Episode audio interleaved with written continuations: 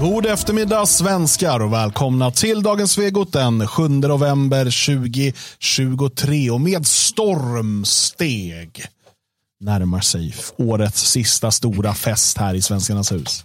Mm, det är på tiden. 25 november samlas vi för eh, partaj, ceremonier, teater, allsång, allt möjligt som kommer ske eh, på när Det fria Sverige firar sex år här i eh, Svenskarnas hus i Elgarås. Mm. Och jag kan utlova en mycket god nyhet. Jag hoppas på två mycket goda nyheter att presentera den kvällen. Jag hoppas på tre, men... Jag eh, har hört att den som gapar efter mycket och så vidare. Så att eh, två är en rimlig förhoppning. Ja, och jag. jag. kan säga så här. Mm. Det kommer hända många saker den här kvällen som gör att om man inte var där så kommer man ångra sig i efterhand. Mm. Eh, man kommer missa eh, väldigt unika saker.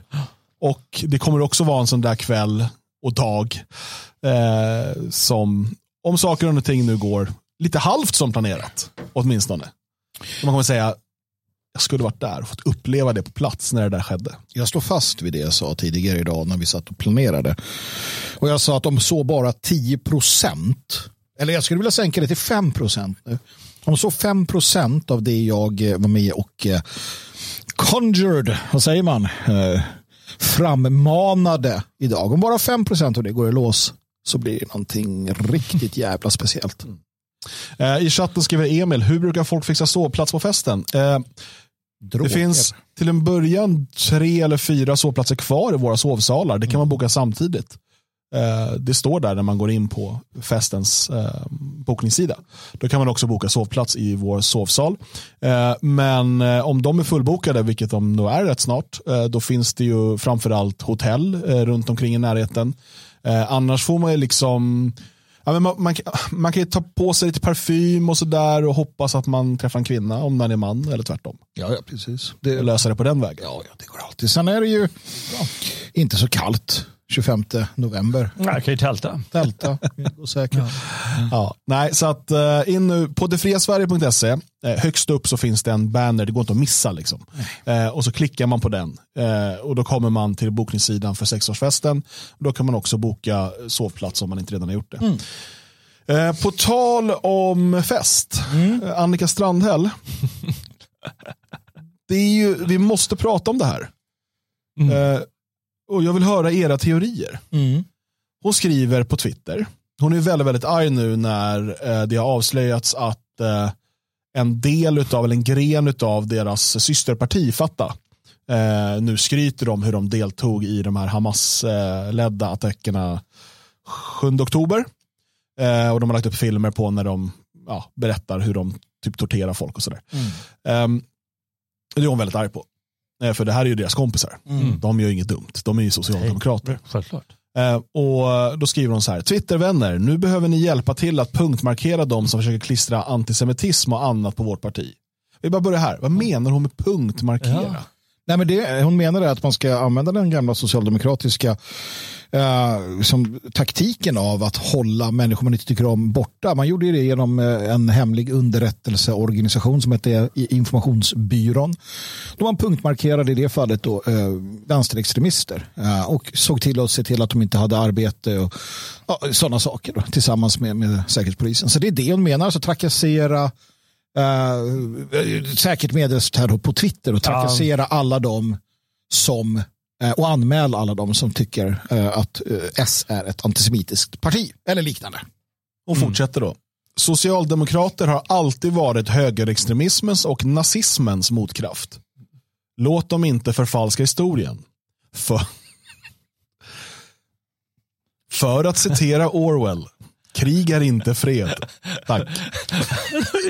alltså det är ju sorgligt. Jag vet, inte vad, jag vet inte vad jag ska göra. Jag vill, bör, jag vill börja med en sak innan. bara, bara innan. Och det är det att socialdemokratin är ju, alltså innan vi går in på det där andra. socialdemokratin är ju själva orsaken till att de här olika eh, grupperna, fascismen då, uppstår nästan. Alltså de rörelserna är ju i allt väsentligt motståndsrörelser till en gryende bolsjevikisk socialdemokratisk revolution. Ja, ja men så kan man säga. Men, och, och dessutom, eh, den här ant, så kallade antisemitismen som då hon menar att man kletar, det har ju att göra med eh, Fatah, deras systerparti i Mm. Palestina. Mm. Och liksom, då drar hon in högerextremismen och nazismen. Men det, ska vi vara ärliga så är inte det här den stora Nej, poängen det, och den stora behållningen med Nej, hennes inlägg. nej. Vi pratar nu alltså om en kvinna som har varit minister flera gånger. Ja. Hon har ansetts liksom vara den mest lämpade att leda myndigheter i Sverige. Mm. Och nu ska hon då briljera med sin intellektuella... Mm. Eh, och det är så här, jag kan ju ibland känna, man, man ganska ofta liksom går tillbaka till att man säger någonting om Orwell eller 1984 eller, eller djurfarmen eller sådär. Det känns nästan så här, det är billigt, det är nästan lågt hängande frukt. Ja. Det är liksom, eh, alltså man hade gärna, ibland känner jag att jag önskade att jag hade kommit på en, en lite smalare referens för att verka mer Ja, men den var ju smalare för 15 Ja, men förstår du jag 20 år menar? Att det är så här, alla refererar till Orwell. Liksom. Mm. Eh, och nu kände väl hon att hon inte skulle vara sämre och visa att hon minsann också har läst den där Mm. satansboken. Och så hon. Och då kan vi bara konstatera då att ehm, hur, hur, hur låter det egentligen? Alltså själva idén ligger i att, alltså hon skriver att krig är inte fred. Och det är ju lite av ett nonsens. Alltså, eller man kan säga så att nej det är det inte. Alltså, det Sa- ju har, ju, Strandhäll har ju rätt som vanligt. Ja, hon har rätt. Men hon säger det för att citera Orwell. Oj då, Ja. Oj då. vad hände där I, egentligen? i, I 1984 så, så handlar det om det här med, med eh, nyspråket som storebror har infört eh, som gör att krig är fred. Mm. Frihet är slaveri. Mm. Okunskap är eller vad- ja, nu kommer jag inte ihåg, så jag ska inte säga för att jag kommer inte ihåg. Men det är så, det är liksom att motsatserna har, de har bytt, Okunnighet är styrka. är det. är det, motsatserna har ju bytt plats och det är det som gör det slagfärdigt. Ja. Att lägga det rätt. Och att eh, liksom hela befolkningen går med på att Ja, återupprepa precis. det här. För att de, Dubbeltänk ja. som det kallas. Och, och, och dessutom att eh, säga att ja, jag är fri om jag eh, är fastlåst. Precis. Det är det. Om jag är slav, då är jag fri. Det är Men ju att- tanken också. Men att då säga, tänk om Orwell hade så här, och storebror sa, frihet är att man är fri. Slaveri att man är, då är det så här, va? Jaha, bra storebror. Det är ju själva det här, hon tappar ju allt. Det finns så här, eller som Orwell sa, krig är inte fred. Vatten, det är, det är, det är liksom inte hårt. Om man inte ramlar från en motorbåt. Men, men, men ja, det är helt otroligt. Det är helt otroligt att den här, den här människan fortsätter leverera de här guldkornen.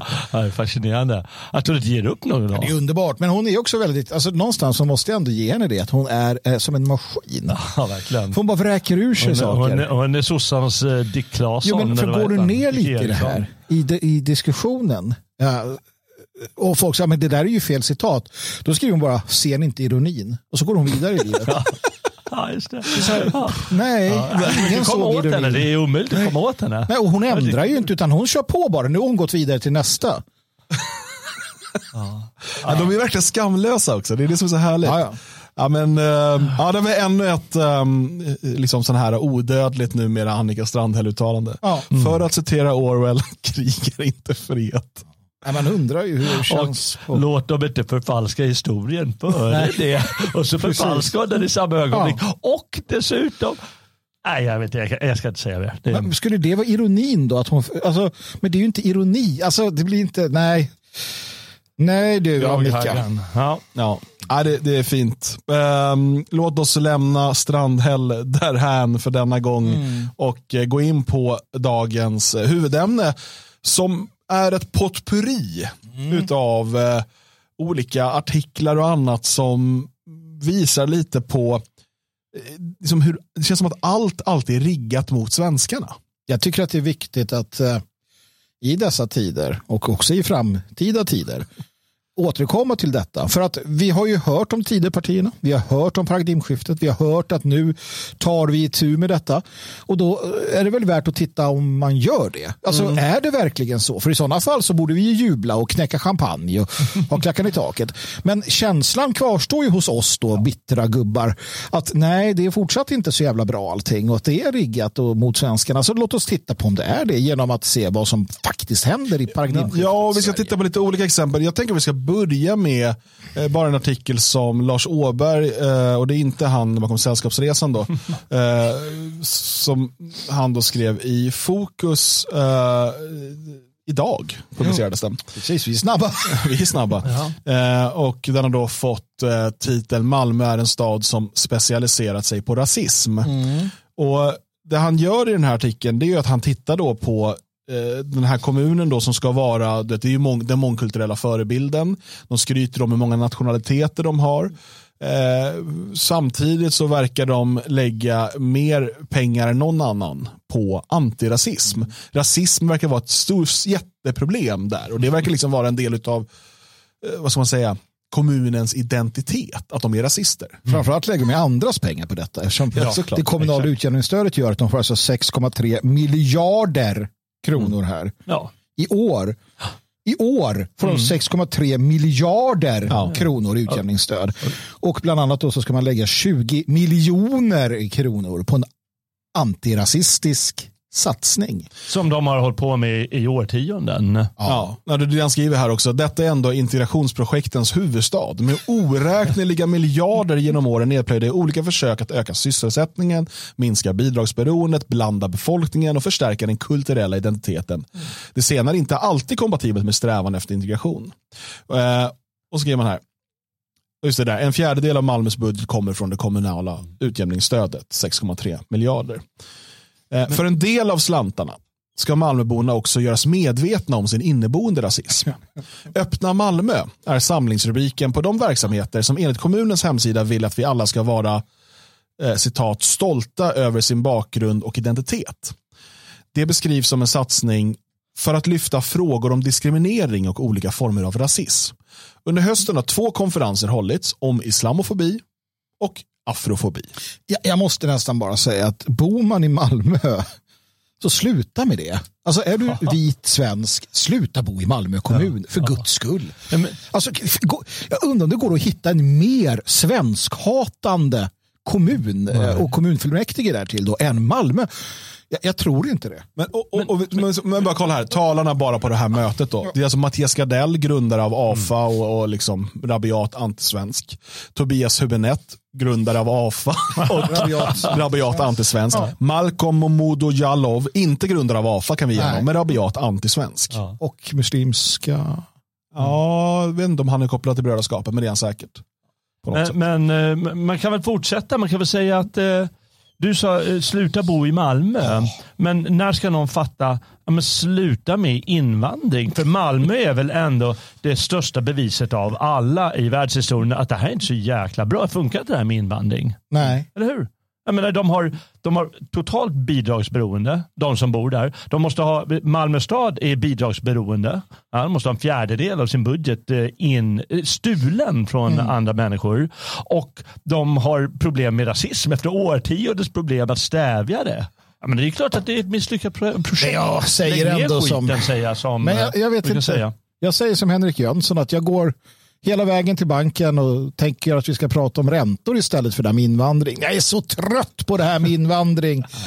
Nej men ärligt talat hörni, eh, så är jag trött på invandring. Tycker vi ska sluta med det. Eh, men jag vill bara påpeka att då ska alltså uh, Gardellan där då prata. Ja. Och vi vet ju ungefär hur det går när Gardellan utbildar. Han gör ju det på Myndigheten för levande historia, en myndighet där han utbildar lärare i eh, anti-muslimsk, nej, anti-judisk eller anti-svensk, Det är så många anti just nu. ja, islamofobi. Och, och det går ju ut på i princip att då, eh, om man tittar på det som, och det är återigen fokus då, som nu på senare tid verkligen har skruvat upp för att de är väldigt, de gillar de här blåvita killarna nere i Mellanöstern primärt. Um, vilket vi kan dra nytta av för att Vita killar IFK Göteborg eller Konsums egna produkter. Ungefär samma sak, bara det att några är ännu längre till söder, söderut från mig just nu. Nej, men det, det, det som, man, som framgår i den artikeln då, i Fokus, det är ju det att, att det han gör är ju, det är, alltså han är ju en, en eh, taltratt för liksom Hamas, han är en taltratt för muslimsk, eh, eh, alltså för den här muslimska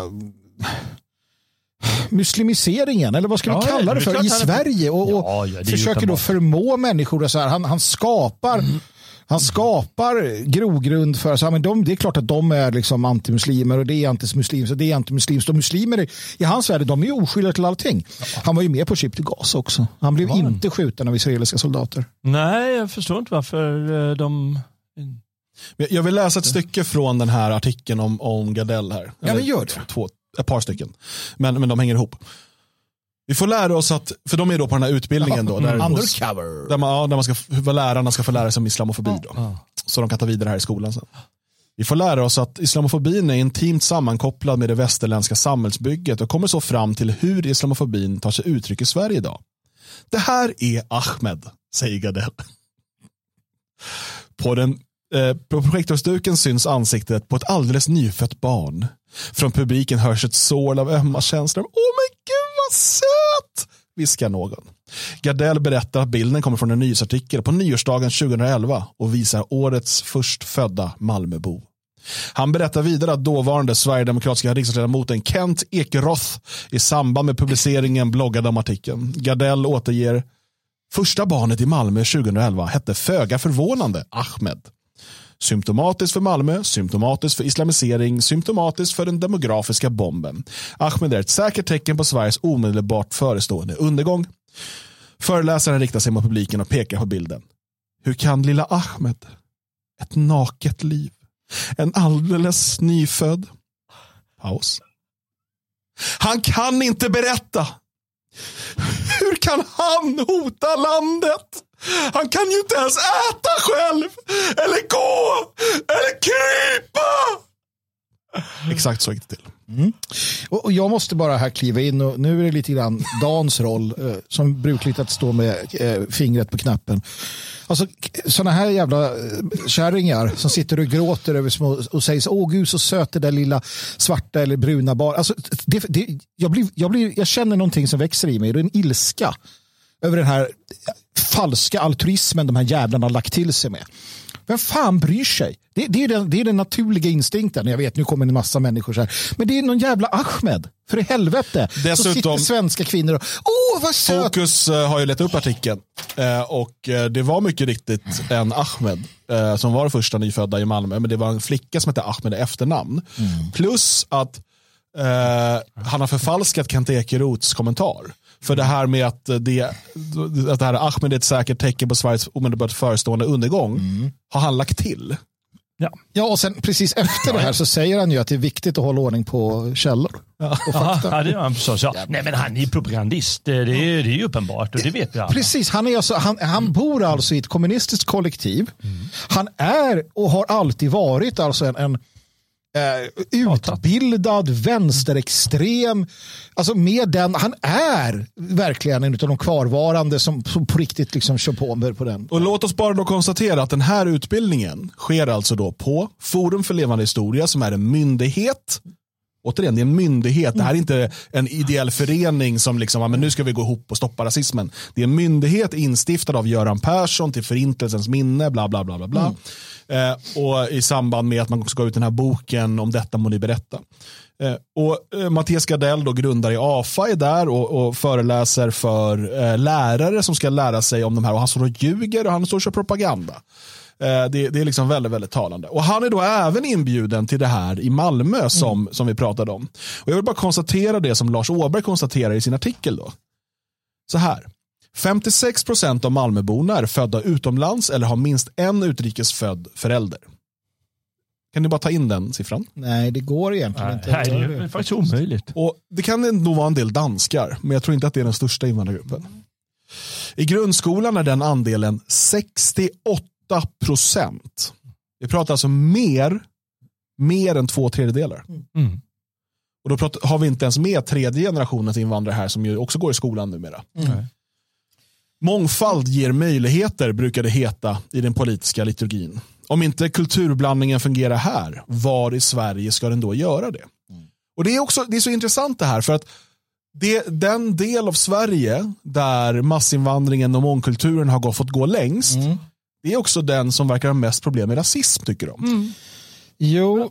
Men all, allting hänger ihop. Jag gjorde tre pilar här. Invandring, uppåt, mm. bidrag, uppåt. Mm. Ja.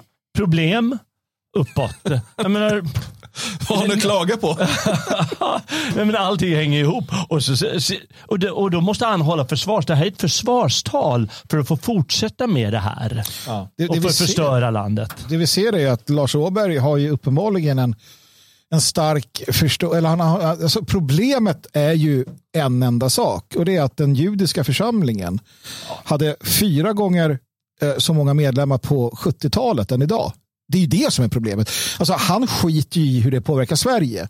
Utan det är uppenbart att det handlar om hur det påverkar judarna. Därför är jag glad över att kunna berätta att Aron Flam idag äntligen har tagit ställning för svenskarna. Han går med DFS? Nej, inte riktigt, men nästan. För han skriver idag. Aron Flam skriver på sin Twitter idag.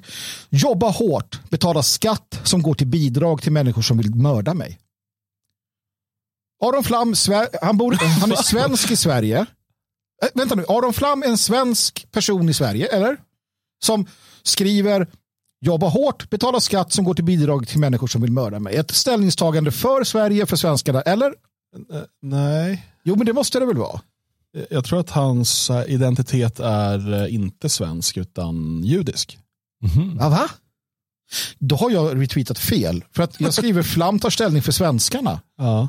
Äntligen tar han bladet från munnen och förklarar problemen med folkutbyte. För han skriver ju om, han, är, han bor i Sverige, han betalar skatt. Alltså inte det massinvandring. Eller vad, jag förstår inte. Och Åberg här, det var inte det svenskarna. Det var inte det som Spokus skrev om. Nej, just det. För att det spelar ingen roll Nej. om svenskar. Aron Flam har ju skitit i hur det går för svenskarna. Nu, senaste dagarna sedan Hamas gjorde det där, då så här, mm. Åberg och, och de andra. Ja, han har ju, eh, man kan säga till, till Flams försvar, det är det absolut inte, eh, så har han, eh, har han ju pratat om de här frågorna nu i några år. För att det är ett hot mot judar. Det är liksom det det har handlat. Men det är ju alltid mm, det. Ja. Och mm. nu kan vi prata men, om det. Men, jo, men i Aron Flams eh, försvar så kan man ju också berätta, han pratar ju från sitt eget gruppintresse. Vems gruppintresse har Lars Åberg? Varför pratar inte hans jävla grupp men här ser man ju det. Låt oss då bara titta då. Eh, en av de främsta debattörerna för mångkultur och massinvandring på 60-talet var en jude. Och då var det i deras intresse att fylla på med minoriteter för det är inte kul att vara den enda minoriteten i ett land. Man vill ha mer, fler minoriteter och fick det. Mm. Och nu så här, oj, så det man har gjort är att man har pissat på, på svenskarna. Mm. Då och nu. För att så här, ja men nu går det åt helvete. båda gångerna så att säga, både när eh, judar var drivande i massinvandring och mångkultur till Sverige, vilket de har varit fram tills nu. Det finns fortfarande judiska aktörer som är det. Eh, men det man kan se om du läser judisk krönika mm. från 70 och 80-talet så är det liksom, vi måste ha mer invandring, vi måste ha mångkultur, det är mm. bra för judarna och så vidare. Mm. Um, båda de gångerna har man gjort det för man har agerat utifrån sin, utifrån sin egen grupps intressen. Att man tror eller tycker att det är bra för dem. Mm.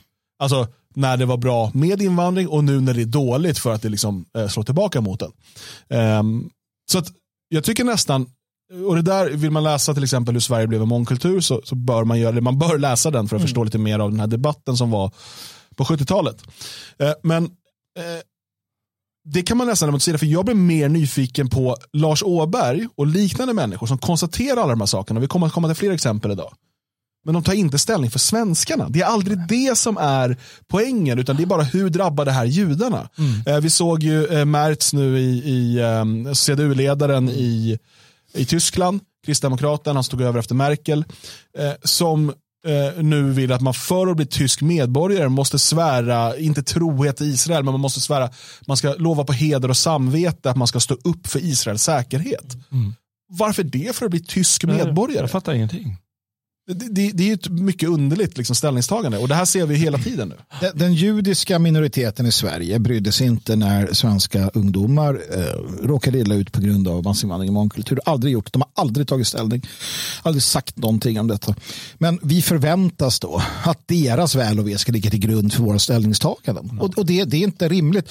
Svenskarna måste stå på sin egen sida ja. och, och, inte liksom låta oss dras med av det här. Sen tror jag att det kan vara by proxy. Alltså, Åberg, um, känner att jag kan skriva om det här ganska, ganska liksom skarpt. Mm. Men jag kan inte skriva utifrån ett svenskt perspektiv. Nej. Utan då måste det utifrån att skydda judarna. Och judarna, det är demokratin i Mellanöstern, de är lite vita i alla fall. Och, ah, judekristet och Det där har vi pratat ja. om nu. Man pratar om Arpi och sådana här. Och varför de reagerar så mycket starkare på det som händer i Israel nu än det som drabbat svenskar och europeer.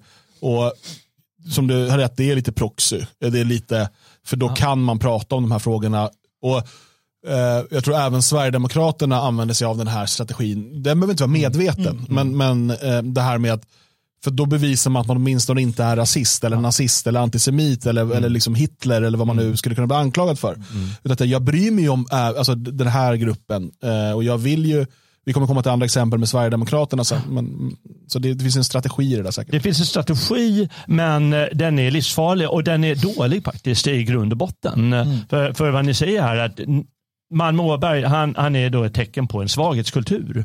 En svaghetskultur eh, bygger utifrån något annat i det här fallet narrativ att det är synd om judarna som har eh, blivit, eh, eh de, de blivit avrättade och ett antal av Hamas nere i Israel nyligen och eh, det finns eh, rasism mot judar i Malmö uppenbarligen och så vidare. Men det är ju någonting annat. Man kan inte bygga någonting eget på någonting annat. Det är omöjligt. Nej. Man måste bygga på sin egen grund. Ja. Och eh, Det blir tomma ord till slut. Mm. Det, är alla, det är därför alla tycker, därför du kastar det här pappret ja, ja, i förbannelse. Eh, jag menar, man kan till och med gotta sig åt att eh, han skriver ordet raser här. Mm. Det, det, har plötsligt blivit en del av den eh, legitim användning av ett ord som egentligen är helt förbannat. Eh, eh, men på något sätt tappar det också udden mm. när, när han kan bygga det här på sitt eget sätt. Jag, jag måste också ta, ta tillfället i akt. Jag har tänkt göra det några gånger men det har inte blivit av. Men jag vill gärna ta och lyfta in eh, chattaren här eh, som skriver på chatt. A, ah, a, ah, ah, ska säga, Axel. Axel W. Ni skyller allt. Och han gillar inte att vi pratar om judar. Han är väldigt projudisk. Uh, ofta. Och skriver, ni skyller allt på en judisk journalist. De är hundratals, om inte tusentals, som är inblandade. Att vi blir en mångkultur samt alla väljare. Det stämmer ju inte riktigt. Eh, David Schwartz uh, var den absolut uh, främsta som skrev otroligt mycket. Han och några till. Det var inte en jättedebatt om att Sverige skulle bli en mångkultur. Det fanns någon est också. Men framförallt var det de två och deras så att säga grupper. Den judiska församlingen har försvarat mångkultur och massinvandring i alla år. Den liberala, läs judisk krönika. Och det faktum att vi har kunnat se om och om och om igen hur när det är kippavandringar efter att någon har spottat på en jude. Judar ska kunna ha Davidsstjärnor och det har blivit riksnyheter. När svenskar har slagits ihjäl Axel W utav invandrare, utlänningar, muslimer så har ingen brytt sig. Den judiska församlingen har aldrig någonsin brytt sig om att svenskar i Sverige har blivit mördade för att de är svenskar. Så kom inte dragandes med den där judiska apologetin. Utan det det handlar om är att vi ska stå upp för oss lika effektivt som judarna och förhoppningsvis få en massa judar att stå upp för oss så som de har lyckats få dig om du inte är icke-jud att stå upp för dem i blott, blött och torrt. men, men, och Jag Tack. tycker att poängen här är egentligen inte att judarna har sitt gruppintresse. Nej. Eh, även om den, alltså, om den kolliderar med vårt gruppintresse så har vi ett problem och det gör det ganska ofta. Eh, men det är inte det, man kan inte bli arg på en jude för att han står upp för judiska intressen. Du kan inte bli arg på en finne för att han står upp för finska intressen. Nej. Jag kan bli arg på svenskar för att de inte står upp för svenska intressen. Det är det här som är min liksom, eh, käpphäst i det här hela. Eh, och, och, som vi måste återkomma till. För att jag tycker att nationalister lägger alldeles för mycket tid på att tala om hur, eh, hur andra folk gör fel mot dem. Mm. Istället för att titta inåt och se vad är det vi gör fel som Precis. vi kan ändra på. Eh, och, och, Det är ju frånvaron av eh, liksom en, en, nationell kollektiv vilja till överlevnad mm. som är vårt stora problem. Mm. Och eh, jag säger inte att Åberg inte vill att vi ska överleva. Eh, jag tror mycket av det här är proxy. Att det är ett sätt att kunna liksom skydda sig från de värsta anklagelserna som folk är, folk är väldigt rädda för att bli mm. kallade för rasister och nazister och antisemiter och vad det nu än är. Eh, men jag menar, och jag hade inte haft något problem om han hade haft den här att ja, men, eh, pratat om, om utsattheten för den judiska minoriteten. Om han också hade pratat om svenskarna. Mm. Mm. Åtminstone. Men det blir alltid som att svenskarna glöms bort. Jo, men det, det, det, och pengarna går ju dit. Jag, jag, många säger att ja, man kan inte ta Barbara Lerner Specter för det är liksom bara en figur. Ja, det är en av jävligt många figurer. med Paideia får pengar från svenska myndigheter. Och, och, hon var väldigt tydlig med att judarnas roll skulle vara den att införa mångkultur och verkligen pusha på för det. Det säger hon ju själv. Um, så att jag menar, det är inte, och, och, det jag vill är att vi ska förstå uh, aktörerna. Vi måste förstå, för det är det, vi behöver en, en, en, kunskap om hur blev det så här i Sverige? Vilka ligger bakom det och varför? Um, och, och, vad händer nu? Judarna har på senare tid insett igen att det här jävla, eh, det här jävla mångkulturen, de de facto genom alla år med sin liberala liksom, teologi och idé har fört in för att själva få bättre positioner, vilket jag inte heller har emot dem. Mm. Det sparkar de i arslet nu. Uh, och de får problem. Och som Aron Flam, för det såg jag någon som skrev att vi borde ha många fler svenskar som Aron Flam. Ja, Aron Flam funderar på att sticka härifrån. För det skriver han att jag får nog, jag får nog flytta härifrån. Är det sådana vi ska ha då? Judar som säger att nu har det gått åt helvete här. Bindefält. Men det, jag åker hem till Israel. Det, där det är, är ju, de allierade vi ska har ha. Haft en, men jag har ju haft en liten, eh, jag vet inte varför, men jag har lyssnat på rätt många av de här eh, nu efter Hamas attack eh, sådana här, såna här judiska eller, eller projudiska poddar och intervjuer och sådär. Mm. Och det är rätt intressant de här samtalen för att ja, det var en person, och nu, det här var inget jag hade förberett så jag minns inte exakt vem det var, men som säger då att eh, det, det, är ju, om det var Adam Schweiman kanske, jag tror att det var Adam Schweiman som sa det, eh, som säger det att man har hela tiden haft i bakhuvudet att det har funnits liksom Israel har alltid funnits där. Mm. mm. Han har släktingar där. Och det, och jag är ganska säker på att det var Schweiman i ett samtal med just Aron Flam. Eh, och de har ofta, när det har varit problem i, i Sverige och så där med muslimer och det har varit judar, de har läst om det, då har de ofta skrivit till dem, men flytta hit mm. och sådär. Och de har alltid haft det, liksom, men jag kan alltid flytta dit. Mm. Men nu känns det som att jag inte kan det, för nu mm. verkar man inte vara säker där heller efter det där Hamas. Och det är väldigt hemskt. Mm. Vi svenskar, vi har inget annat land att flytta till. Vi har inte liksom, det här är vårt land mm. som används som för de här experimenten. Och just om man då eh, som folk boende i Sverige har liksom hela tiden en, en reträttplan. Att här kan vi göra lite vad som helst. För skulle det här gå fel, då kan vi alltid sticka tillbaka till basen. Mm. Mm. Och det, det är, blir en väldigt farlig dubbellojalitet mot det liksom rike du, du lever i då. Ja, men du har ju sett samma sak i, i svenska. Jag har pratat med svenskar som är precis likadana fast på en annan nivå. Då är det så att, ja men vad fan blir det åt helvete här i stan? Då drar jag till sommarstugan ute på ön eller till sommarstugan mm. i vildmarken i Värmland. Där kan vi ha det bra. Mm. Så bara, men ditt jävla, din jävla förrädare. Jag är så jävla trött på det där ja. förräderiet. Ja, men jag pissar ner, jag låter staden där jag bor i, det får gå åt helvete. För att jag ska ha mitt just nu. Och blir det dåligt, ja men då har jag ju min andra lägenhet. Eller jag har mitt andra hus, så drar jag mm. dit istället. Uh, vi ser att det pågår en white flight i Sverige just nu och det är samma jävla, jävla idioti, uh, förrädiska tankar liksom. Mm. Nej, det gillar jag inte. Men, och just det här med att liksom inte våga ta svenskarnas parti när det liksom är väldigt påkallat. Mm. Jag, jag, vill att vi ska lyssna på och titta på ett klipp härifrån eh, podcasten Oskyddat samtal. Mm. Eh, där är Tobias Andersson, eh, Skövdesonen eh, och Sverigedemokratiska riksdagsledamoten. Eh, han är gäst och eh, han får en fråga om demografin. Och här, jag menar jag har hört Sverigedemokraterna och deras liksom retorik för att, vet, förr var det mycket av det här hjälpa på plats. Man, så här, man vill alltid utmåla sig som att det handlar om att hjälpa folk och liksom vi bryr oss om alla och så. Eh, I det här läget, jag blev förvånad över hur man kunde vrida och vända på det här från en sverigedemokrat till att få att det här inte handlar om svenskarna. Lyssna på det här. Sverige. Eh, mycket mer än, än till exempel eh, ja, våra nordiska grannländer och sådär. Va? Mm. Hon var lite orolig och jag undrar om du också är orolig över att ja, svenskar och svenskfödda och sådär, vi, vi kanske föder ett, två, max tre barn och sådär medan vissa andra som kommer från vissa andra länder föder tio barn och sådär. Att hon var lite orolig över att ja, men svenskar kommer bli minoritet i sitt eget land. Vår kultur kommer tinas bort. Är det någonting, hur resonerar du i, i, i den frågan? frågan? Jag tror han menar tyna bort. Mm. Men, men mm. Det är en ganska enkel fråga. Mm. Ja, det, ser, och det är en, en äh, lyssnare då som är orolig för att svenskar på bli minoritet i mm. eget land. Är du också orolig för det här? Mm. Tobias Andersson ska vara lite radikaligare, uppkäftigare, mm. liksom, ung sverigedemokrat. Ja, det är, ju, det är ju väldigt känsligt av någon anledning att prata om demografi. Trots att det går ju att kolla och vara medveten om att det finns ju skolklasser eller skolor i Sverige där det är kanske över 90% personer som vars föräldrar är födda utomlands. Eller åtminstone en förälder född utomlands. Eh, det är klart att det gör någonting med samhället. Och framförallt för de som då kommit till Sverige och kanske vill bli en del av det svenska samhället. För det ska vi inte glömma att vi har många invandrare som tillfaller den kategorin också.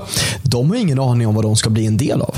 Stackars de- Mustafa Panshiri. Ja, de bor så här i områden där de inte behöver prata svenska. De har aldrig haft en svensk klasskompis som har två svenskfödda föräldrar. De har aldrig eh, förstått vilka barnböcker vi läser i Sverige eller kollat på tv-programmen man kollar på. Alltså man har inte överhuvudtaget samma referensramar som barn som vuxit upp med två svenskfödda föräldrar.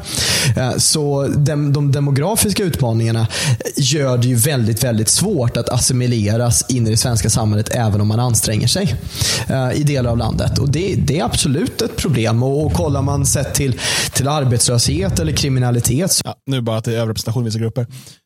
Vad, vad var det han sa här? Det var ett problem med demografin, för det gör det svårt för invandrare att integreras i Sverige. Mm. Ja, det är synd om dem alltså återigen. Ja, de- Han, nej, men han- det är alltså en svensk lyssnare som har hört av sig med en fråga Mm. angående att hon är orolig för att svenskan håller på att bli en minoritet. Mm.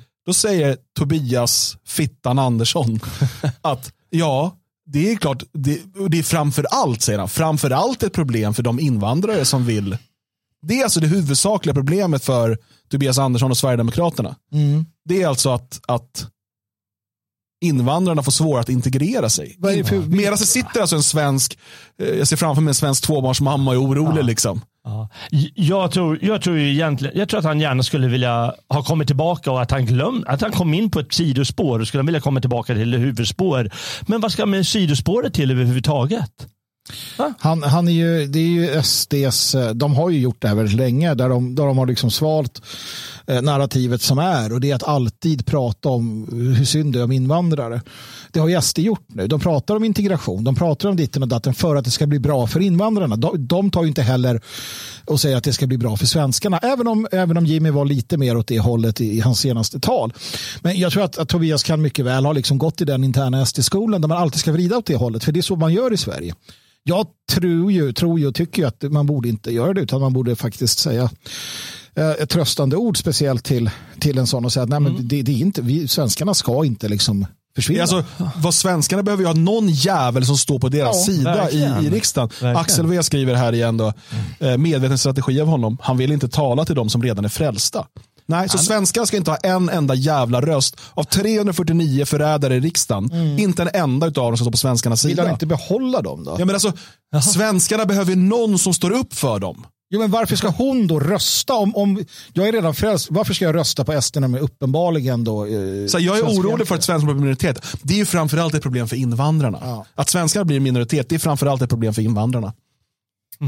Ja, jag vet inte. Nej, jag tror inte att det är en bra Nej, men det, det är klart att det inte går att göra sådär. Precis som jag sa förut, det går inte att bygga kultur på något annat. Eh, sin egen kultur på något annat. Och, eh, eh, jag vet inte vem som sa, men vi diskuterade jag och Dan förut, eh, förut idag när vi tänkte över det här. att eh, Det är precis tvärtom. SD borde ha som en mall, ha en skola där det står att när du får frågor, sätt alltid svenskarnas först och sen kan du gå in på det där sidospåret om du vill. men- men, gör en poäng där. Precis. Gör en poäng. Så här hade han kunnat svara utan att det hade blivit uh, dålig strategi, det är rasism, fascism, uh, optik. Eh, han hade kunnat säga så här. Ja, eh, det är klart att svenskar inte ska behöva vara minoritet i sitt eget land, inte i något bostadsområde, inte på någon skola. Och dessutom så är det svårt för de invandrare som kommer hit och vill integreras i vårt land. Är det väldigt svårt att göra det ifall det hade han kunnat. Men han sa framförallt. Men, men, men är det inte som JS skriver i, i chatten här, är inte detta bara ett sätt att demonstrera det man egentligen tycker? Det är politisk strategi. Den nakna retoriken som ni två här tycker, den är inte godkänd. Titta på AFS. Deras retorik är ett sänke, fungerar inte. Än. Har inte ni bara två som, radikala personer som vill att det ska liksom, ja men du, han ska liksom säga "Rör, ka- upp till kamp och död och, och så kommer de inte få några röster för att man ska blöda sig till makten, man ska krypa till makten. Man, man får ju röster, de blir Mm. ju större. De pissar ju på svenskarna, SD pissar på svenskarna och svenskarna röstar på dem. Är det inte ett masochistiskt folk som behöver detta? Nej, men jag tror inte det. Jag tappar varför. Okej, du kan inte svara. Dan Eriksson? Funkar inte SDs koncept? Eh, men det här är ju inte SDs koncept. Det här är ju, det här är ju saken att de hoppar ju mellan de här koncepten hela tiden. Ibland tar de mycket väl svenskarnas sida. Och det är det, men jag menar att just Tobbe Andersson då som kommer, okay, han var drivande i att eh, de skulle eh, bli mer homovänliga, han var drivande i att de skulle bli mer abortvänliga och så vidare. Han har ju liksom liberaliserat SD i värdefrågor. Mm. Men samtidigt har ju han varit en av de som har varit mer eh, vad ska man säga, mer eh, rapp i käften i, i talarstolen och liksom varit ganska hård eh, när det gäller frågan om svenskfientlighet och så vidare. Mm. Eh, han ska inte säga så här. Nej. För det, det är det här, alla mot svenskarna, det är det som blir, han hade mycket väl kunnat få in den poängen. Jag tror inte att de hade förlorat någonting på om han sagt nej, svenskarna ska självklart inte bli minoritet, så kan det inte vara i Sverige. Men, men det är också ett problem med, och så hade han kunnat säga sin poäng. Jag hade inte blivit arg på honom, för jag förstår SD vill ha assimilation, de, det är en mm. del av deras politik. Men det är att han, han viftar bort frågan och säger framförallt ja.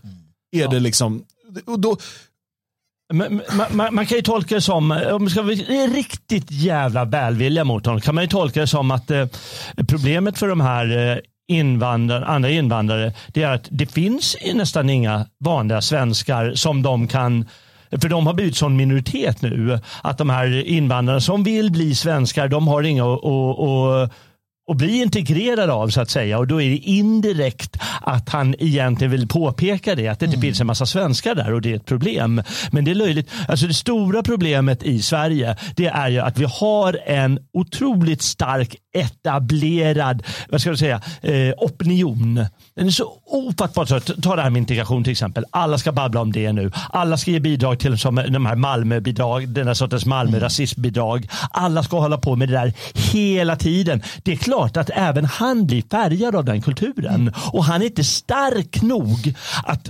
ryta ifrån. Att liksom skita i den och det är därför de måste ha som en strategi Sverigedemokraterna om de vill överleva, tror jag. För jag tror inte de är så masochistiska eh, som du påpekar utan de är nog snarare försiktiga eller något sånt. Men eh, eftersom man påverkas av den här är det ännu viktigare att de markerar Sverigedemokraterna eller den här sortens Sverigedemokrater som, som han ändå är. För jag tror ju, eh, nu är ju Tobias Andersson, han känns ju väldigt mycket som en politisk broiler och han liksom kan vara, jag tycker ganska, eh, när jag lyssnade på den här podden, det var, jag var tvungen att ta det i tre sittningar. Mm. För det var ganska outhärdligt för att han var så politikerbrojlig.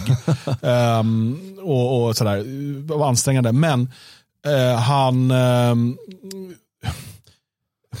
alltså han, jag har ändå tyckt att han på något sätt har kunnat ge någon typ av ny ung energi, lite uppkäftig energi till, till partiet. Och, då blir man ju också besviken när, när han liksom uttrycker sig på det här sättet. Alltså jag undrar, bara en helt, ett sidospår, jag undrar när det där liksom, politiska broileriet Uh, blir en hämsko. Jag, jag, tänkte på den nämligen. Jag tror, alltså, vi pratade om det uh, i morse här, du, du, var inte med då Magnus, du var på väldigt långt toalettbesök som vi inte behöver gå in på detaljer om.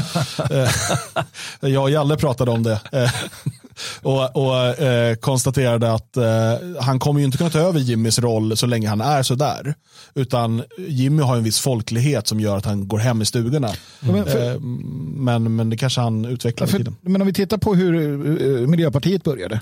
Sen tittar vi på Vänsterpartiet. Uh, och, och liksom den, vi tittar på Centerpartiet det fanns en, en djup folklighet alltså i, i, sin egen grupp åtminstone. Mm. Uh, allt det här har ju försvunnit. Alla har blivit mer och mer slips och kostym mm. och ser likadant ut. När faller det tillbaka? Alltså när kommer vi vilja ha Lars Werner i rutig skjorta? ja. Kommer svenskarna till sist tröttna på hela den här politiska uniformen och spelet? Och att det kliver fram Nej, någon... det är samtidigt där en förtroendebransch och så länge vi har lärt oss att så, in, så här ser man ut när man inger förtroende så kommer det vara. Men, men just när det gäller Tobias Andersson så har han han har ju bara gjort, hållit på med politik i sitt liv. Han var 18 år när han var ordförande i utbildningsnämnden i Skövde kommun. Mm. Och, och alltså var chef över sina lärare på gymnasiet. Mm. Han berättade om det i den här podden, det är ganska roligt. Ja, är eh, och, så att han har ju bara gjort det där. Och han, liksom, han, är, ju, han är ju väldigt ja. duktig på att vara politiker. Det är bra. Liksom. Nej, men, nej, men, det, nej, men det går ju inte, det går inte fullt ut. Jag menar, ma- det kan, han skulle kunna vara hyperintelligent, eh, men på något sätt så... Han skulle kunna nej, vara. men vadå, eh, jo, men, och ändå, dum som ett nej, men alltså ändå vara- och, och därmed vara en bra politiker, men det kommer saknas någonting. Jag, jag, jag brukar ju säga att den sista politikern som fanns i, i Sverige, det var eh, Wachtmeister. Ja. För han var egen. Han var ju helt egen. Eh, och, eh, och, och han Vad är var det för fel liksom- på Eskil Erlandsson då? När man stryker på någonting på kön. Ja, det finns väl fler som är egna då. Ja, uppenbarligen. Nej, men det är för mycket av den här, den här stilen. Och SD har ju fallit i den fällan. För de är likadana som alla andra där. Att det är, de blir politiska broilers. För de, de föds upp alla i ungdomspartiet och så ska det gå vidare. Eller måste hålla på med den här formen av politik från början. Det är det är ett väldigt farligt system vi har i Sverige. Och det är därför så instängt. Det är, rätt, det är intressant det vi säger. Sanningen är den att varför var Wachtmeister? Varför? Varför? Varför? Jo, för att han kunde göra som han ville. Han hade så han klarade sig. Alltså det är det polit- det är lite som Trump. Han, hade, han har så han klarar sig.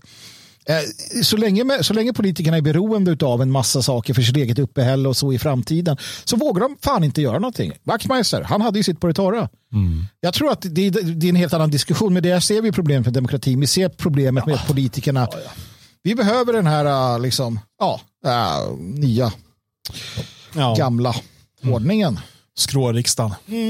Mm, skråriksdag. Vi, vi, vi får se helt enkelt. Jag tänker att vi ska kolla på ett till exempel bara. Eh, det här är så himla talande för den här tiden. Eh, Migrationsverket har alltså eh, skapat en ny utbildnings eller instruktionsfilm till sina egna anställda för att de ska vara vaksamma då, på olika typer av infiltration. Det handlar om informationssäkerhet då, på grund av den förhöjda terrornivån. Eh, risk för spionage och infiltrering från främmande makt samt ekonomisk brottslighet. Och där flera gånger då i det här så åt, åt, upprepar man att terrorn kommer från högerextremt och vän- vänsterextremt håll. Högerextremt och vänsterextremt håll. På Migrationsverket, jag tänker bara att just på Migrationsverket av alla ställen så finns det väl framför allt Men, en islamistisk komponent eller en muslimsk komponent man bör ha koll på här.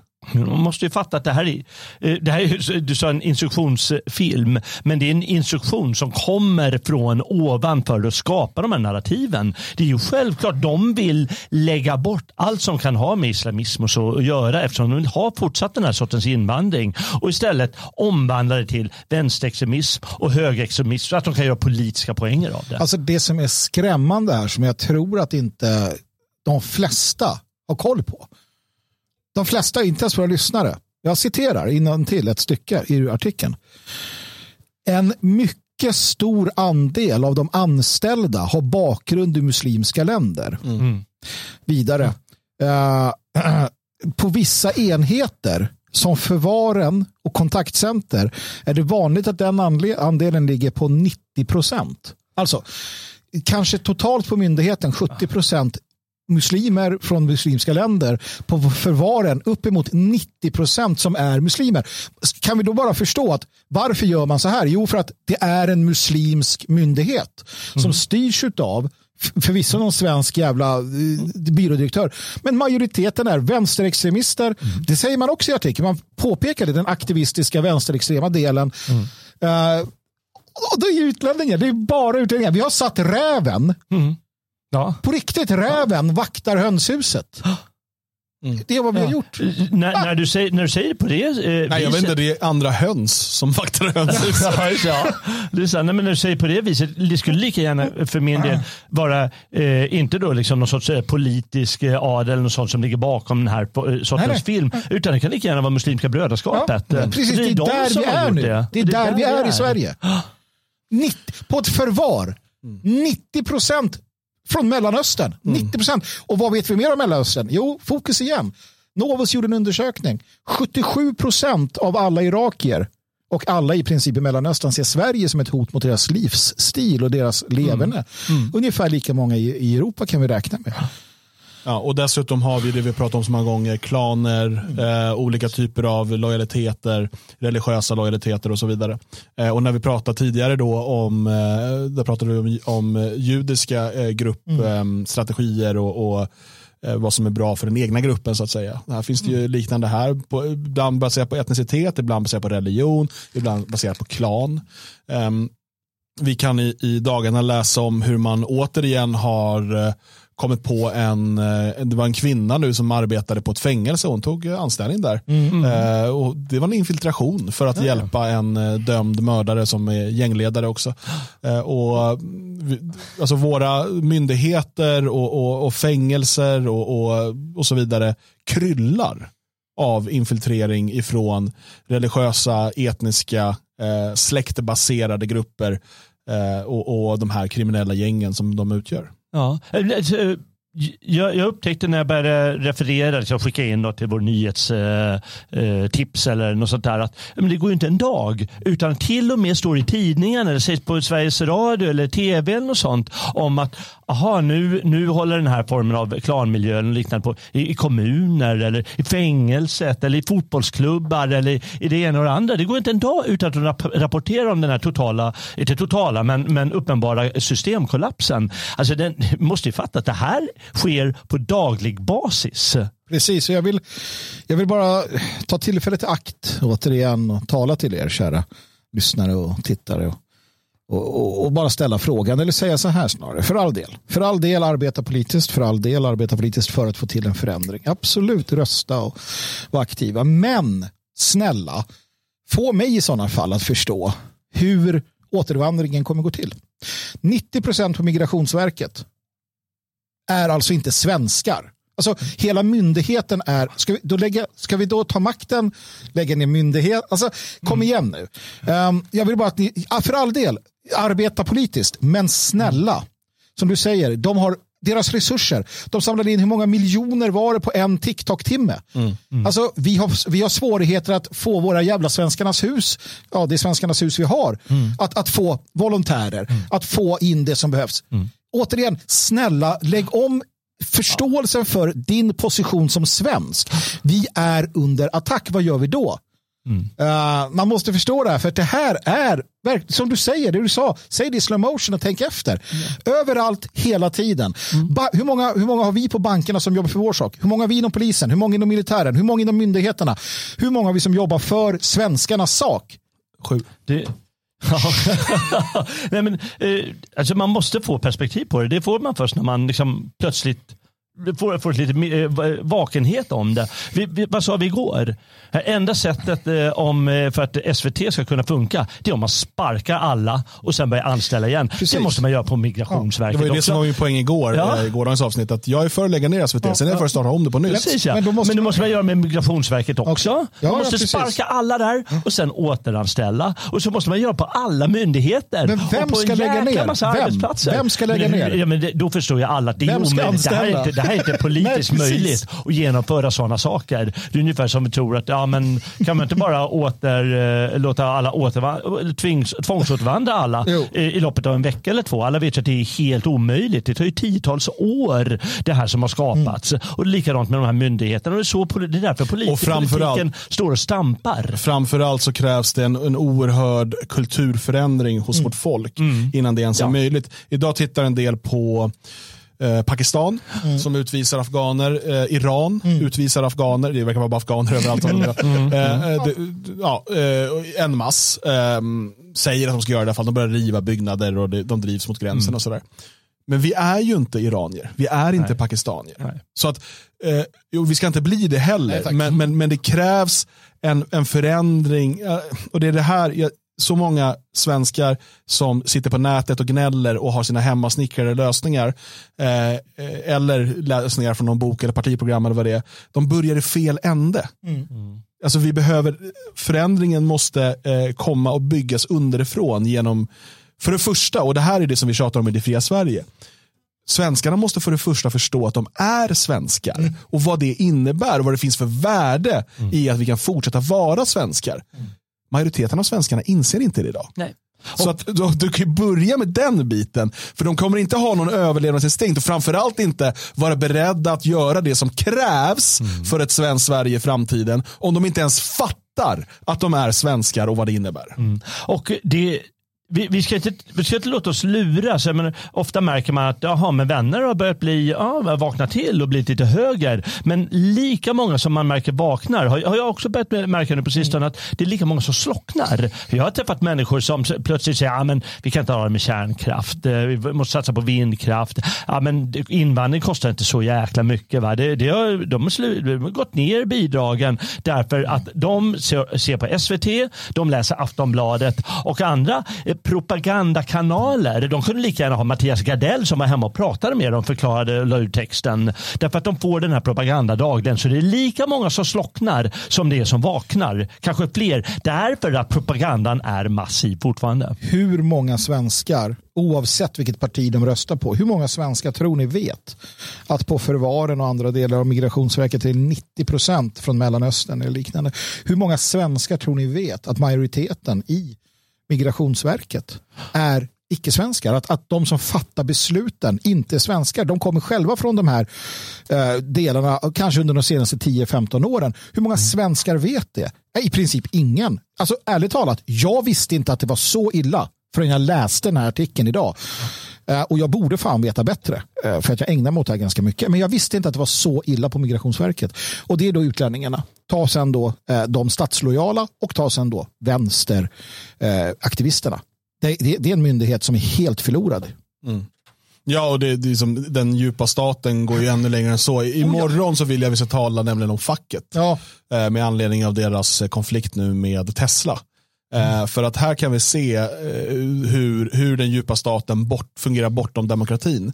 Eh, och det, det, det, ska vi prata om imorgon i tanken. Jag, jag gör så här att vi, vi måste ta en artikel till här och mm. klockan börjar närma sig tre så att vi kommer inte köra något extra segment Nej. idag. Vi skjuter upp det till imorgon. Ja. Vi ska inte stressa i, i onödan. Eh, utan eh, vi måste ändå kolla på, när vi pratar om det här, då, Johanna Frändéns eh, kolumn, kolumn i Aftonbladet, invandringen är en modern framgångssaga.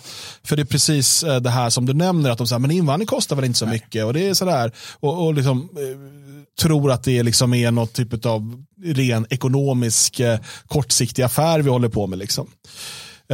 så här skriver de. Invandring är verkligen en modern framgångssaga. Eh, om du studsar vid det påståendet beror det kanske på att du inhämtar information i svenska medier och att de, det vill säga vi, är dåliga på att plocka upp långsiktiga trender. Det är sedan gammalt. Det kommer alltid vara en större nyhet att ett etnifierat gängkrig rasar i svenska städer än att majoriteten av invandrarna i Sverige går i skolan och arbetar i allt högre utsträckning. Vad betyder ens det där? Majoriteten av invandrarna går i skolan och arbetar i, högre, i allt högre utsträckning. Det är klart att de går i skolan. Ja, nej, men, gjorde återigen, de, gjorde de inte det innan? Majoriteten, inte att majoriteten gör det, utan att majoriteten gör det i högre utsträckning. Ja, ja, visst, än vad, ja. Det har ingen betydelse. Nej. Det betyder noll och ingenting det hon just sa. Ja, ja. Det andra alternativet är förstås att du lyssnar för mycket på svenska politiker som de senaste åren har slagit knut på sig, på sig för att peka ut invandring som ett problem. Statsminister Ulf Kristersson kallade det till och med för en belastning 2021. Det var konstigt av flera skäl, inte minst eftersom det är väl känt att invandring generellt är en långsiktig ekonomisk plushistoria. Dessutom är de största vinnarna på de senaste årens migration de svenskfödda med god ekonomi, det vill säga Ulf Kristerssons traditionella väljarunderlag. Nyligen konstaterade nationalekonomiprofessorn Eskil Wadensjö i Dagens Nyheter att ensamkommande pojkar, och sedermera män, från Afghanistan etablerat sig oväntat snabbt på svensk arbetsmarknad. Medan ni vet vilka, sluggers i den svenska debatten närmast tvångsmässigt målat ut afghaner som ett hot mot den västliga existensen. De kommer för långt bort ifrån och saknar våra värderingar. Har den utpekade gruppen gjort det som invandrare världen över alltid gör. De har lärt sig språket, utbildat sig och fått jobb. Integrerats kan vi kalla det för enkelhets skull. Och även om det stämmer att elever med utländsk bakgrund är överrepresenterade bland svaga studieresultat, en följd av sämre språkkunskaper och en djupt segregerad skola, mm. är situationen den omvända när vi når högre studier. Både kvinnor och män med utlandsfödda föräldrar i Sverige tar i större utsträckning högskoleexamen än studenter med svensk bakgrund. Du tänker kanske att detta är ett isolerat fenomen. Verkligen inte. I Frankrike, ett land med historiskt stor invandring från den arabisk-muslimska världen, är tendensen densamma. På bara en generation konstaterar man att nordafrikanska invandrarbarn har nått samma representation inom högre utbildning och i den högre tjänstemannasektorn som de infödda fransmännens barn. Statsvetaren Arnaud Lachré säger till Le Monde att forskningen varit så fokuserad på bristande integration, islamism och segregering att man ofta förbisett det uppenbara. Den nordafrikanska invandringen är i stora drag en oberättad succé. Och Frankrike behöver, detta är i princip alla ekonomer överens om, mer invandring, både akut för att lösa bristen på arbetskraft och för att på längre sikt försörja en åldrande befolkning. Sverige står, efter det höga inflödet av framförallt yngre människor i arbetsför ålder under 2010-talet, bättre rustat än många andra EU-länder. Det får mig att tänka på den gamla 90-talsinvändningen mot invandring. De kommer hit och tar våra jobb. Sannerligen inte saknar fog. De kommer rent av hit. De börjar arbeta och går om svenskar i akademin. Tar de våra tjejer också?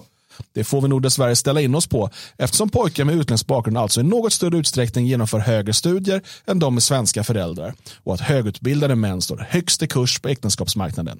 Men det är en annan diskussion. Jag förstår inte hur hon har kommit att hata hon har i stort sett bara haft svarta killar. Som Precis. Folk det. Ja, men hur, hur börjar det? Liksom? Hur, hur kan man hata det egna hon på det sättet?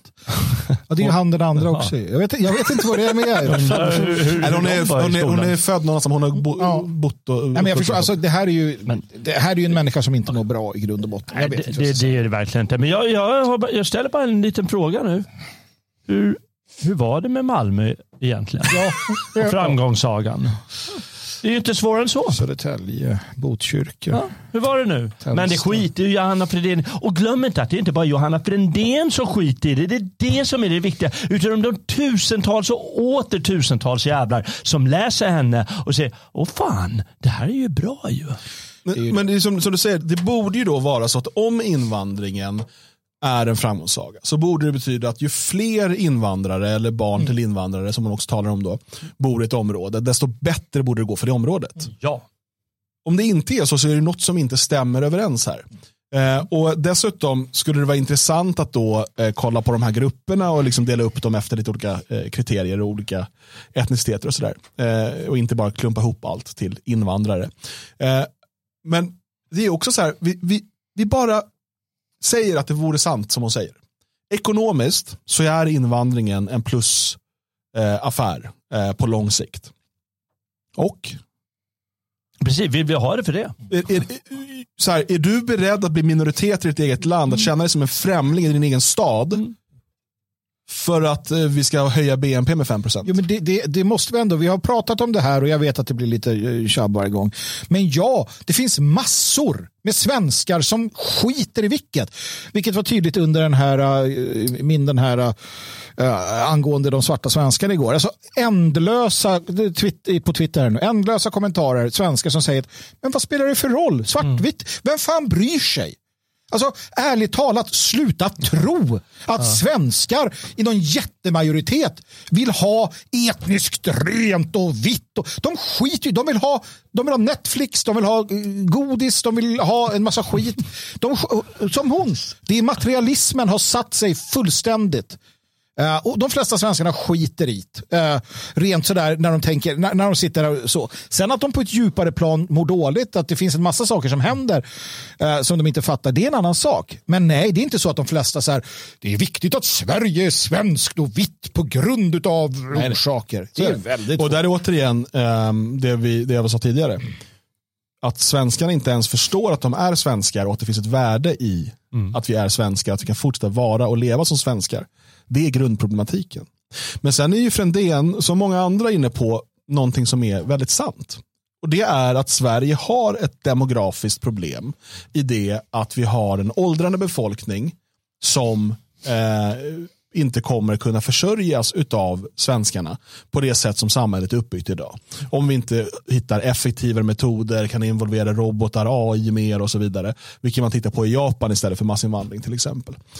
Eh, och det här är en följd av dels industrialismen, men i, efter det den så kallade sexuella revolutionen, eh, p-piller, abort, eh, avkristnandet, eh, hbtq, allt det här har bidragit till, till detta. Nu är det som att säga att Sverige generellt sett när det gäller födelsetal på en europeisk nivå så ligger vi ganska bra till. Mm. Vi är fortfarande under liksom, eh, den nivån behöver ligga för att behålla sitt befolkningsantal. Men hon har rätt i att det där är en utmaning för Sverige framöver. Eh, men lösningen på det kan inte vara att ersätta vårt folk med andra folk. Nej, det kan inte vara. Och lösningen kan framför allt inte sättas i politikers händer. För politiker trodde på 50-talet och 40-talet eh, och 60-talet när de byggde upp den, eh, grunden till det här eh, lite senmoderna samhället, senindustriella samhället. Då trodde de att de kunde lösa samhället och demografin Genom att ha det på det sättet med p-piller, med jobb för båda könen, med en, en, en kärnfamilj som blir mindre och mindre och det ena och det andra. Det vill säga allt som har gått åt helvete nu. De trodde att de hade kontroll över situationen men de hade ingen aning därför att de var, de var tillräckligt, inte tillräckligt smarta och tillräckligt bra. Och de ska vi sätta, då ska vi ge dem lösningar nu när de säger Eh, ja men då tar vi mer invandring. Det säger sig självt att det kommer misslyckas igen. Ja, men hela utvecklingen i Sverige, det ser vi, alltså det som ledde fram till, eh, det som ledde fram till 68, det, det började redan på, på 40, det började redan 45. Alltså det, har, det har ju pågått under en längre tid. Jag vill bara konstatera, jag vet att folk blir ledsna och tycker att nej, vi är framåt och hit och dit, men jag, jag är känd för mina svarta eh, järnpiller som man måste äta. Och det är det att jag, jag har sett att det har florerat nu igen då på sociala medier. Det är små klipp på så här svenskt 50-tal, sen 60-tal och alla är så glada och fina och så står det glöm aldrig vad de tog ifrån. Och så, I min värld så att nej, jag ska aldrig glömma vad de där jävlarna på de där filmklippen, de där blonda svenska flickorna och pojkarna som står där och dricker öl och ut och kör sina bilar. Jag ska aldrig glömma vad de tog ifrån oss, vår framtid. För att jag är så trött på att se den här jävla nostalgin över ett folk som lät det ske. Jag förstår mycket väl hur människor tänker. Jag förstår allt det bakom det. Men man måste också förstå, faktiskt, och det är järnpillret. Man måste ta det och förstå att det är vi själva som har genom en massa och på grund av en massa olika saker lett oss dit vi är. För att om vi inte tar det ansvaret och fattar mm. det så kan vi inte ändra på det här. På samma sätt som att ingen kommer ta oss ur detta. Ingen. Vi själva jag tycker att Sinn Fein har ett bra namn på sitt parti. Vi själva, vi svenskar, inte Aron Flam, inte sossar, inte, alltså vi själva mm. måste lösa detta om det ska bli löst. Precis som att vi faktiskt ja, satte oss i den här jävla båten en gång i tiden. Alla de där som hade det mycket, mycket bättre. Mm. Och eh, när det gäller propagandisterna vill jag bara tillägga att eh, eh, den här Frändén-typen eller låt oss säga Anders, den här Strandhäll-typen som säger att det där är 30-talspolitik och när Ungern, för det var någon som skrev i chatten här att du har, har du fyra barn i, i Ungern då, då, då slipper du de och de skatterna. Mm. och ja men det är så här Ungern och det är 30-tal och så vidare. Men de hyllar när de säger att ja, men invandrarna hjälper oss med demografin för de föder tio barn då hyllar de det. Därför att de givetvis är antisvenska och vill landets undergång, eller folkets ja. undergång. Det ska vara klart för oss. Och då, då, måste man förstå att den enda principen är att ha en ungersk princip. Mm. Eller gamla eh, Hitlerprincipen, om vi ska ha det. Att man, man ska få det egna folket att få många barn. Jag vill också säga att Mats Andrén skriver i chatten, ingen idé att hata vanligt folk på det sättet. Uh, I det här sammanhanget, i, den här, i det här programmet som heter Dagens Svegot så brukar vi kunna prata på det sättet. Det vill säga att man måste förstå. Ni som lyssnar på det här har ett vidare uppdrag. Och det, det, det handlar om är att förstå varför är vi där vi är. Vi skulle kunna ägna timmarna åt att bara bekräfta vad alla tycker där ute och att eh, ägna oss åt den typen av propagandist. Det gör vi inte, utan vi vill att ni som lyssnar här och går vidare förstår och förklarar själva vidare varför det är på ett visst sätt. Ehm, det är så jag resonerar och så jag ser på eh, det här programmet ärligt talat. Och det är därför vi alltid vrider och vänder på alla saker och inte bara säger det som liksom känns bäst. Och, man måste förstå att det i grunden handlar om att vi på grund av olika orsaker lät saker och ting ske. Um, och, och, det är ju någonting som till exempel om du läser de som var med i 68-revolten säger att deras föräldrar gjorde ju så att de själva började få de här idéerna om att fimpa uh, som feministerna säger. Så brännbe bhn, bränn kyrkan, bränn staten. Varför tog inte deras, deras föräldrar ansvar? De kom från en generation som själva hade och så vidare. Alltså, vi måste se de olika skeendena för att förstå varför vi är där vi är. Och att då undandra ansvaret från de som har varit och de som är oss själva. Ja, men då måste vi ta bort ansvaret från oss själva också. Det bara händer saker. Det bara händer saker. Ska vi verkligen ställa krav på de som inte gör något nu? Ska vi verkligen inte vara hårda mot vårt eget folk? Nej, de ska vi inte våga angripa. Det är vårt folk som ska ändra på detta nu. Och gör inte vi det, då kommer någon om hundra år, om det finns några kvar, säga fy fan, varför gjorde inte de där människorna någonting för hundra år sedan, för 50 år sedan? Det blir dags att man tar sig i det här så kallade nackskinnet, lyfter upp sig i det, tittar på vad som har hänt genom historien och bestämmer sig för att nej, men det här använder vi som en, en, en katalysator för att göra om och göra rätt. För Guds skull. Självkritik, det är grunden till förändring. Det.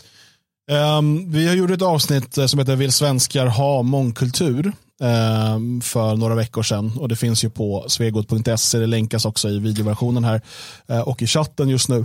Um, och där går vi ju igenom lite grann det här uh, för att uh, mm. det, det, är det här klassiska om att svenskarna ville aldrig ha det här och de fick aldrig säga någonting och sådär. Mm. Och, och, det går ju att ifrågasätta åtminstone. Mm. och jag tycker det är viktigt för att tidigare här i programmet så nämndes då det judiska inflytandet, att Sverige blev en mångkultur och så vidare. Och alla de här sakerna ska man ha klart för sig, självklart. Men ja, återigen tycker jag att vi måste vända blicken inåt mm. mot oss själva. Vad var det vi som folk gjorde fel? Mm. Och hur kan vi göra rätt? Mm. Eh, för att vi kan absolut stå och peka på massa andra folk och säga ni gjorde det där fel, ni gjorde det där fel, dumma ni. Eh, men i slutändan så är det bara oss själva vi kan förändra. Både på liksom individ och kollektiv nivå. Mm. Och därför eh, så, så, är det den, den, en viktig insikt att få med sig.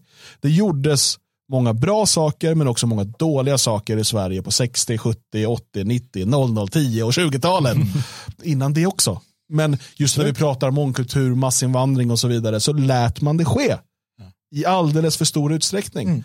Mm. Um, och vi kommer fortsätta vårt enträgna arbete för att skapa alternativ för svenskar, eh, kavla upp ärmarna, bygga eh, både fysiskt av att bygga mötesplatser, nätverk eh, och gemenskaper, eh, men också bilda opinion, utbilda, folkbilda via dagens Svegot och, och, alla våra evenemang. Eh, och under tiden så ska vi se till att ha kul tillsammans också. Mm. Eh, jag tycker verkligen inte man får glömma det. Och om du inte har gjort det, boka in dig till det fria Sveriges sexårsfest. Vi kommer ha jäkligt kul och vi kommer ha minst en, förhoppningsvis två, riktigt goda nyheter att presentera den kvällen. Och eh, du ska vara där. Det ska du vara, ja. absolut. Jag tänker vara det. Ja. Så gå in på detfriasverige.se. Högst upp har du en eh, banner som du inte bör kunna missa eh, med länk till sexårsfesten. Boka din eh, plats snarast. Eh, imorgon klockan 14 så sänder vi live igen. Eh, och eh, jag vill prata facket imorgon. Mm. Kan vi mm. göra det? Vi pratar facket okay. imorgon, absolut. Denna, denna, denna mafioso. Det, detta, detta eh, skyddsvall för de svenska arbetarna. Vi eh, tänker avrunda den här sändningen och eh, önska er en fortsatt eh, trevlig, hoppas jag, tisdag. Eh, så hörs vi imorgon klockan 14 igen. Nu blir det vapen och sprit.